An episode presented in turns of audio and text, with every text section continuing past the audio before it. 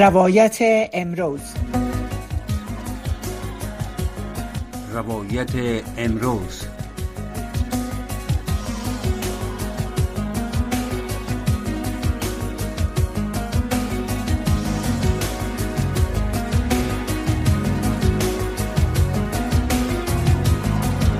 سلام شنوندگان عزیز. به برنامه روایت امروز از رادیوی آشنای صدای امریکا خوش آمدین.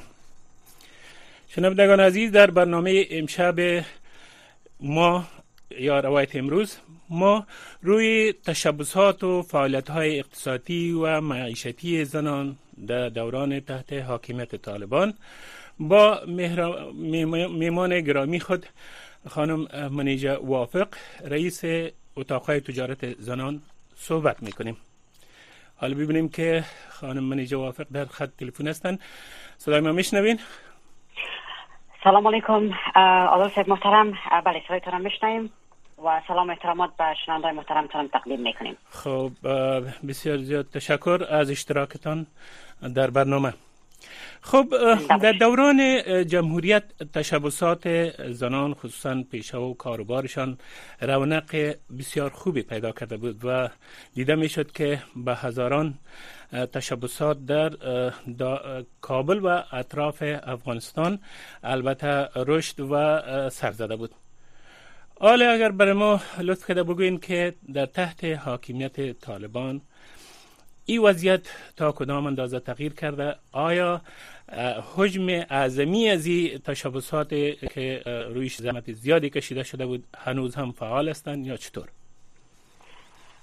والا حضرت محترم پیش از که به سالتان جواب بتم من سمت خدا بتان اصلاح کنم که ما یکی از مؤسسین یا مؤسس عمده اتاق تجارت خانه افغانستان بودم خب. و ریاست شام الا ماه مارچ سال 2022 پیش می بردم بعد از او ما ریاست اجراییش پیش نمی برم خب اما خانم های تجارت پیشه در افغانستان با از طریق دیگه کارا و نادایی که من دارم که خانم های تجارت پیشه را آموزش میتیم خانم های تجارت پیشه را با فرصت های مختلف وصل می‌کنیم. هنوز هم به تماس هستیم و کار می‌کنیم. خب بسیار خوب.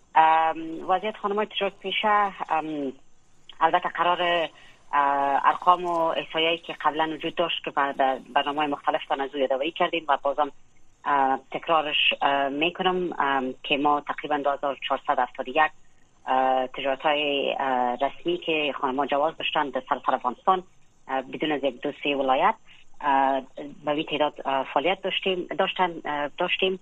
و می ترتیب بیشتر از 54 هزار که حدس بود که تقریبا 60 هزار تجارت های غیر رسمی بود که خانما ملکیت داشتن و پیش می بردن رهبری می کردن و اینا در مجموع تقریبا یک لک سی هزار کار ایجاد کرده بودن. بیشتر, بیشتر از 90 میلیون سرمایه گذاری مجموعی از اینا بود. و به مو رقم 90 میلیون افغانی دیگه. 90 میلیون افغانی. 90 میلیون دلار. خب دلار. خب بسیار خوب. بله, بله. سرمایه خب. مجموعی که اینا سرمایه گذاری کرده بودن در 20 سال خب. آخر 20 سال گذشته. 90 میلیون دلار بود. خب. و و در قسمت تجارت های رسمی خوشبختانه البته در او وقت و متاسفانه بدبختانه که همیشه بین رفته یک تعداد زیاد تعداد کثیر یعنی تقریبا نصف 2471 در بخش های غیر انانوی فعالیت شروع کرده بودن و بخش های غیر انانوی را ما تعریف می‌کنیم مثل بخش های تکنولوژی معلوماتی میدیا و تولید مواد میدیایی صادرات واردات تولیدی ها لوجستیک ساختمانی رستورانت ها شرکت های خدمات مسافربری و سایر خدماتی که حتی مکاتب خصوصی کودکستان های خصوصی از جمله بزنس ها و تجارت های بود که خانما داخل شده بودن و شروع کرده بودن. و این کاربارشان و این کاربارشان در وقت باید شده بود که دیگه خانمان تشویق شوند که بیاین در بله. ارسای که ارسای مردانه بود یا ارسای بود که قبلا خانما در افغانستان در بخش در تجارت نبودن اما آستاستا چون اقتداد رو آورده بودن و دیگران بود تشویق کننده بود که متاسفانه امود تعداد غیر تعداد غیر انانوی اما رسمی را ما متاسفانه تقریبا همش از دست دادیم مثلا بله. رستورانت ها همه بسته شدن مثلا کودکستان ها یک تعداد کثیرش بسته شده ممکن دو سه کودکستان اگر باز باشه و می ترتیب از مکاتب خصوصی که معمیال یک برنامه آموزشی رو پیش می‌برم. در, بله. در سنف, سنف ما تقریبا سه خانم است که مکاتب خصوصی داشتن و دارن. اما بسیار به وضعیت سخت فعلا مکاتب خود پیش می‌برن. برای که مردم وضعیت اقتصادیشان ایجاب نمی‌کنه که اون فیسی که قبلا اینا مردم می پرداختن و اینا می‌تونستن با اون فیس معاش معلمین و سایر مصارف خود تمویل بکنن و فعلا نمی‌تونن و مجبور خب. سوال اینجاست بله. که ای از دست دادن این تعداد از تشبسات خصوصی زنان ای بر اثر وضع اقتصادی فعلی مسلط در جامعه به همی رقم شده یا ای که سیاست های طالبان در قبال از اینا سبب شد که اکثر زینا از, از کار بیفتن و فعالیتشان متوقف شد خب اول خو خود سیاست های طالبا و مردمایی که فعلا افغانستان مسئولیت به دارن بله ای اینا نظر به دوره قبل که افغانستان بودن و به اون شکل که قیداتی که وضع کرده بودن و ترسی که ایجاد شده بود بین مردم در اولین روزایی که اینا آمدن یک تعداد اونا افغانستان ترک کردن در جمله خانمایی که افغانستان ترک کردن یک تعدادش خانمای تجارت پیشی که دمی ارسای غیر بودن اونا هم بودن و همی ترتیب در ماهای بعدی تا تا حال یک تعداد است که افغانستان ترک کرده میرن و اونام در جمع از هستن که و ترس و وحشت و قیداتی که مردم وضع کردن. و قیداتی که اینا وضع کردن درست است که مستقیم قیدات و کدام پالیسی خواست برای کاربار زنا در بخش خصوصی و در تجارت ها اینا نداشتن و وضع نکردن قیدات اما زن زن در مجموع زن وقتی که این زن تجارت پیشه بله. با زن است تمام بله. قیدات دیگه که بالای زنا وضع شده در کشور او متاثر می‌سازه. ای خانمای تجارت پیشه را همچنان. یعنی اونا مستثنا نمی‌تونن بانن. مثلا مسئله گشت و گذار ببینیم. در مسئله گشت و گذار زن تجارت پیشه زن است. اگر قبلا می‌تونست که به تنهایی یک فاصله دور که از ولسوالی خود مثلا تا مرکز شهر کابل می آمد به تنهایی مواد خام خریداری می‌کرد پس می‌رفت با خانمای دیگه که در قریه و مثلا ولسوالیشون بودن تولیدات خود انجام می‌دادن. از, قبیل صنایع دستی از قبیل process مواد غذایی بسته‌بندی مواد غذایی و پس دوباره او رو می آوردن در شهر به فروش می رسندن او را به سهولت انجام داده نمی‌تونن برای اینکه مسئله قیدات داشت و گذار و داشتن محرم و موضوعات مختلف دیگه که در سر را و نیمرا پست های مختلف استاد کردن و پرسان کردن کجا میرین کی از همراهتان و موضوعات کلش آزار اذیت است بله. که خانم‌ها متاثر میشن و فامیلا اجازه نمیتن که مثل سابق به اون شکل که خانم‌ها گشت گذار می‌کرد گشت گذار بکنن. دیگه از خاطر این باید از بیاد همگی ما باشه که اگر طالب قیدات بالای زن تجارت پیشه وضع نکرده اما طالب یک تعداد زیاد قیدات بالای زنا در مجموع وضع کرده که زن تجارت پیشان زن است و متاثر شده و فعالیت هایی که قبلا می‌تونست انجام بده نمی‌تونه به اون شکل فعالیت انجام بده. خب درست. وقتی که وضع به این منوال است ای چقدر در قسمت البته افزایش فقر و غربت و همچنان خرابی وضعیت اقتصادی جامعه افغانی در مجموع تا کدام اندازه تاثیر ناگوار داشته است؟ بسیار وسیع. تاثیراتش بسیار وسیع بوده. ما شما هر روز ارقام و احصایه مختلف از نهادهای ملل متحد بانک جانی و سایر نهادهای بندلی بخصوص میشنویم که در افغانستان به طور مثال 28 میلیون نفر از جمع نزدیک به 40 میلیون نفوسی که میگن افغانستان داره. 28 میلیونش با فقر رو بروسته 28 میلیونش نفوسی بله. که امروز متکی نیاز به کمک های کمک نان داره. و فعلا با تمام مشکلاتی که در کشور است یگانه را امورای توزیع مواد خوراکه و کمک های اولیه مانده. که همگی منتظر هستن که نان سرخانشانه یک کس برشان اهدا بکنن. و می ترتیب تعداد تعداد کثیر زن و مرد که در بخش مختلف کار می‌کرد. یعنی نه تنها زنای تجارت پیشه جناب عادل بلکه بله. سایر تجارت ها در افغانستان.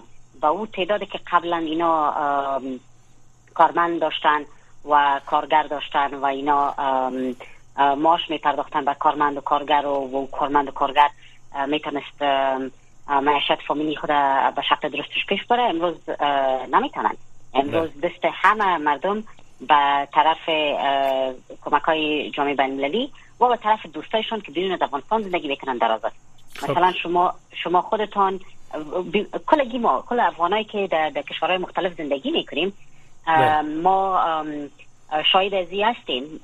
و مطمئن هستم دوستایی که اگر بیرون از افغانستان هستن حالا اونا هم ایره تایید می‌کنن که هر روز یک دوست و آشنایی که می‌شناسن تماس می‌گیرن و تقاضای یک چند روپیه کمک می‌کنن که چوب زمستان کار داریم یا مثلا ما خوراکه کار داریم یا مثلا طفل ما مریض است ما کمک بکنیم یعنی یک وضعیت بسیار ناگوار اقتصادی که البته پیش بینی هیچ وقت مشو نکرده بودیم که بعد از 20 سال که با شکل افغانستان پیشرفت کرده بود بخصوص سکتور خصوصی پیشرفت کرده بود ما پس بیاییم به ایت وضعیت که دست ما به گدایی درات شود.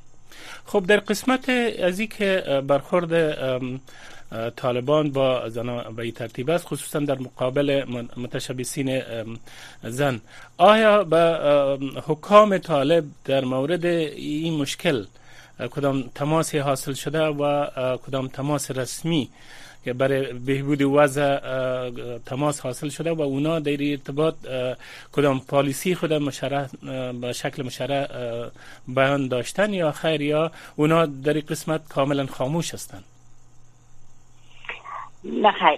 در قسمت تماسا مثلا یک تعداد معدود خانمای تجارت پیشه در سطح کابل در سطح ولایات امرای وزارت صنعت تجارت کار می‌کنن بله. اما متاسفانه کاری که می‌کنن به طور مثال اتاق تجارت صنایع زنان افغانستان قبلا که ایجاد کرده بودیم یک نهاد بسیار فعال بسیار متحرک که از, از نتیجه کارهای اتاق مثلا تعداد خانم تجارت پیشه در سیر سه چهار سال 26 فیصد افزایش پیدا کرد. و به می ترتیب خانمای صادر کننده تعدادشان افزایش پیدا کرد. خانمایی که در اصای غیر ننوی داخل تجارت شوند و با دوستای بینالمللی و سطح منطقه وصل شوند تعداد اونا افزایش پیدا کرد. اما تقریبا از یک کنیم سال به این طرف اتاق تجارت صنایع زنان افغانستان. هیچ کار نتونسته انجام بده. و دلیلش محدودیت هایی که از طریق وزارت صنعت تجارت وضع میشه. و اینا را کاملا تحت کنترل خود گرفتن. و تمام برنامه سازی ارتباطات و جلسات که اینا باید با نادای بین‌المللی به خاطر کمک به خاطر تشویق و جلب جذب کمک ها به خانم تجارت پیشه داشته باشن. او تقاضا وجود داره تا به وزیر گزارش داده شوه و موضوعات مختلف و می ترتیب سایر مسائل پالیسی سازی خو همه ما می‌فهمیم که به سطح وزارت خانه در کابل متاسفانه طرح نمیشه تصمیم گیری صورت نمی‌گیره که او یک کلانترین مشکل است در, در وضعیت فعلی افغانستان که همه لاچار هستند که تغییرات بیارن در مجموع سیستم. درست. خب تازه ترین خبری که امروز به نشر رسید یکی از وزرای کابینه آلمان این خبر پخش کرد که اونا حاضر شدن که پروژه های مربوط به خانم ها و زن ها را در افغانستان دوباره احیا کنند و می‌خواهند که اون پروژه ها دوباره احیا شود از یک جانب از سوی دیگه ملل متحد در این ارتباط کدام اقدامی که ای از این طبقه طبقه متشبسین زنان متشبس حمایت کنه و یا جامعه بین در مجموع آیا اینطور آثار و علائم دیده میشه که این جامعه بین ملی با درکی مشکل با در تغییر یا تحول این وضع پیش قدم شود و آیا این پروژه را که آلمان میگه اینا خواهد که دوباره احیا کنند خب پروژه پروژه ممکن شروع شود پروژه امیالیم پروژه جریان داره. از طریق نادای ملل متحد همچنان از طریق بعض انجوی اروپایی همچنان انجوی بندلی اما متاسفانه کار کار پروژه ها و کار پروژه ای هیچ وقت نتیجه نداره بله. و کارهای مقطعی است بله. مقطعی از خاطر مقطعی بودنش. بله مقطعی است. متاسفانه شیوی که اینا در تطبیق خود به کار می‌گیرند اون شیوه شیوی متاسفانه درست نیست. شیوی پایدار نیست. شیوی که مثلا نمیال پروژه ها داره. مثلا دادن پول نقد است. بدون کدام پلان بدون کدام طرح درست. مثلا مبلغ 500 دلار یا 1000 دلار یا یک نیم هزار. بلا 5000 و 10000 دلار اتا اگر بدون کدام طرح که استمرارش نظر گرفته شود و و, و, و نتیجه کار قبلا سنجش شود که بالاخره با 10000 دلار مثلا همی یا 5000 یا 1000 هر مقدار که باشه همی تجارت ها تشبسات یا نادای غیر دولتی. اینجوها با ای چی خواد کردن و ای بالاخره چطور می‌تونه که کارهای از طریق از کارهای پایدار انجام شوه شغل ایجاد شوه یا مثلا در تولید داخلی کمک بکنه و یکی که یک تولید می‌کنن و تولید به خاطر فروشات در داخل نیست و بیرون است. پس در بیرون بازاریابی کردن برای زو تبلیغات کردن وصل کردن با خریدارا در بیرون از افغانستان. این همش هیچ به شکل درستش نه همیشه میشه نه انجام میشه. تنها همگی متوجه می هستند که او باید پول نقد داده شود که اینا بتانن مصارف خود بپردازن. بله. بله درست. مصارف خود بپردازن. اما داخل روز باز چی؟ باز وقتی بله. شما پول پول نقد نتین اینا بله. باز مصارف خود از کجا بپردازن؟ از کجا تنبیل کنن؟ به شکل مستمر. بله. بله خب یک در جامعه کنونی افغانستان دو منبع عایداتی که از بیرون تامین میشه بر افغانستان فعلا فرستادن پول از طرف خیشاوندا دوستا به افغانستان برای فامیلا یک مدرک مهم و درشت است. یا مصرکی که در گذشته های دور از کشورهای عربی با فامیلایشان پول روان می‌شد یک مدرک است. و مدرک دوم از طریق کمک است که ملل متحد با استفاده از کمک های بین که در اختیار داره او را در افغانستان به مصرف می‌رسه شکایت ها اکثرا از یک حالت عجیب و غریبی است که در افغانستان حاکم شده بسیاری مردم ذهنیت از زیر پیدا کردن که پونه پول میایه نه در صدد تعلیم و ترینینگ یا تربیه هستن و نه هم در صدد از که پیشرفت کنن یا خودشان تولید کنن. همه چشمشان به به ایسته که از بیرون برشان کمک شود چه از طریق ملل متحد چه از طریق دوستا. شما این وضعیت برای آینده افغانستان که همه به اصطلاح دستبین دیگران میشن در آینده چه نوع پیش بینی می‌کنین که چقدر زیانی به جامعه افغانستان وارد خواهد کرد؟ بسیار.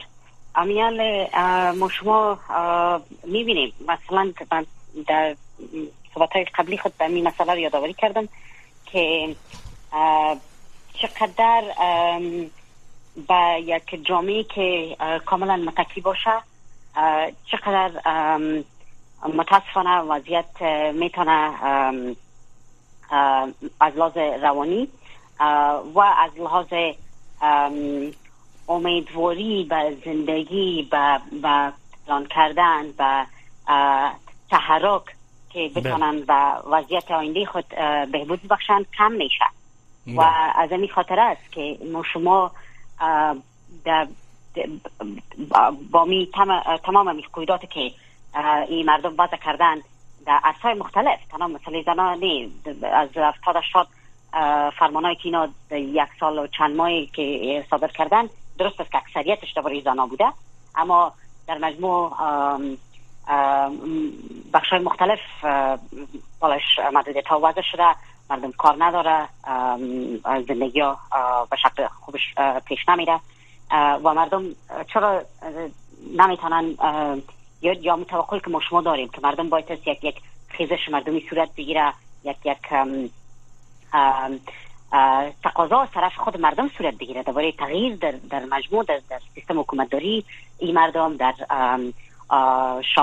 همه شمول ساختن پروسه سیاسی در افغانستان و موضوعات مختلف دیگهش دلیلش می‌تونه می باشه که مردم نان خوردن خود ندارن مردم و وضعیت صحی خود نمی‌تونن برش رسیدگی بکنن.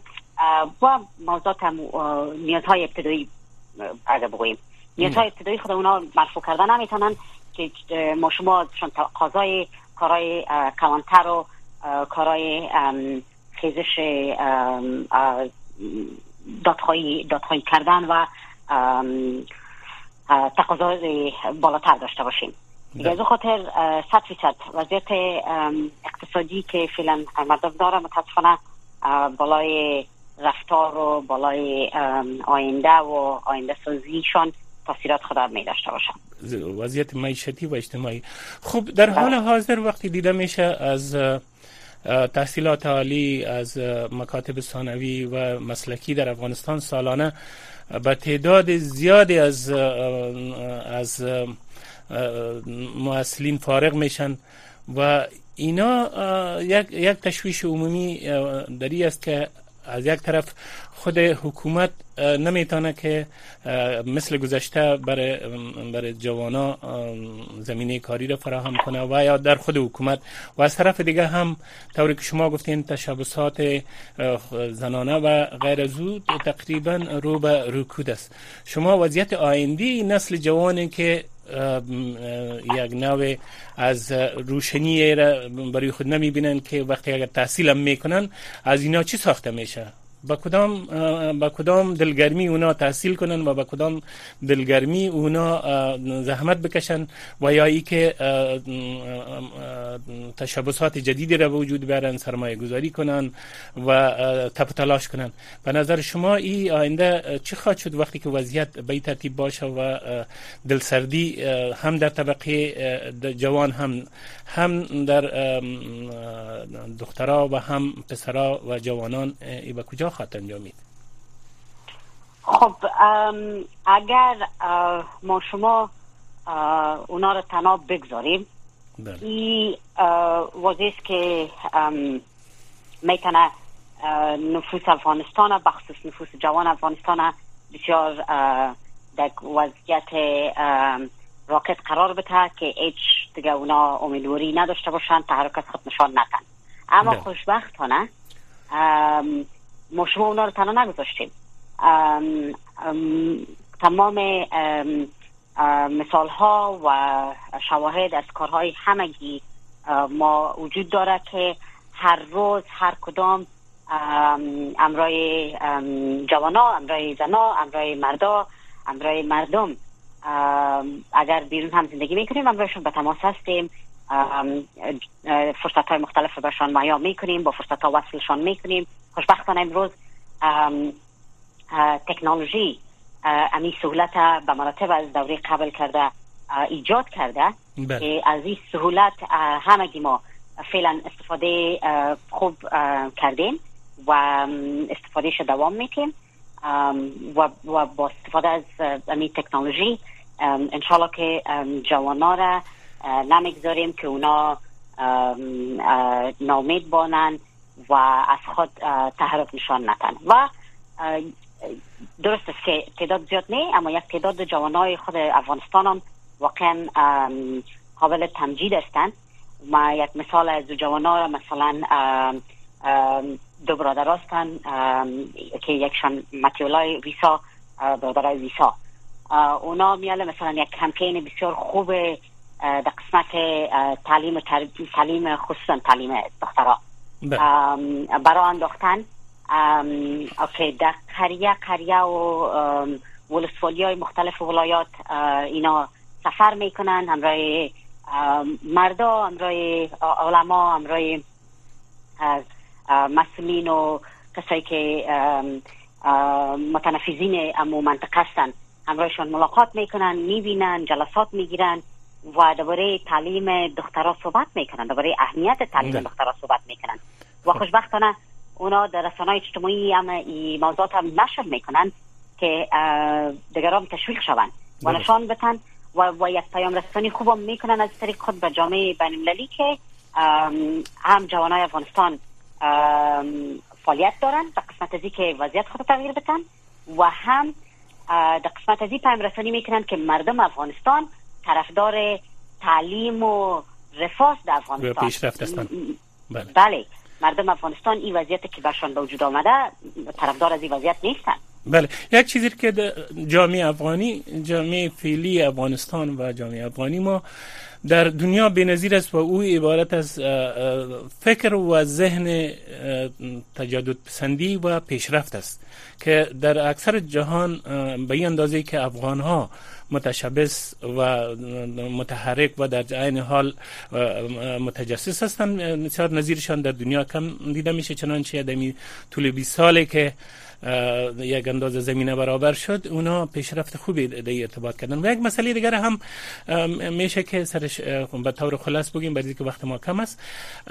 بعضی اوقات امی خودسانسوری بعضی از مردم که جرات نمی‌کنن به کارهای مثبتی که حتی طالبا هم او را به نظر به نظر بد نیست حتی تشویق می‌کنن به او اقدام کنن که در ارتباط ضروری است تا اونها از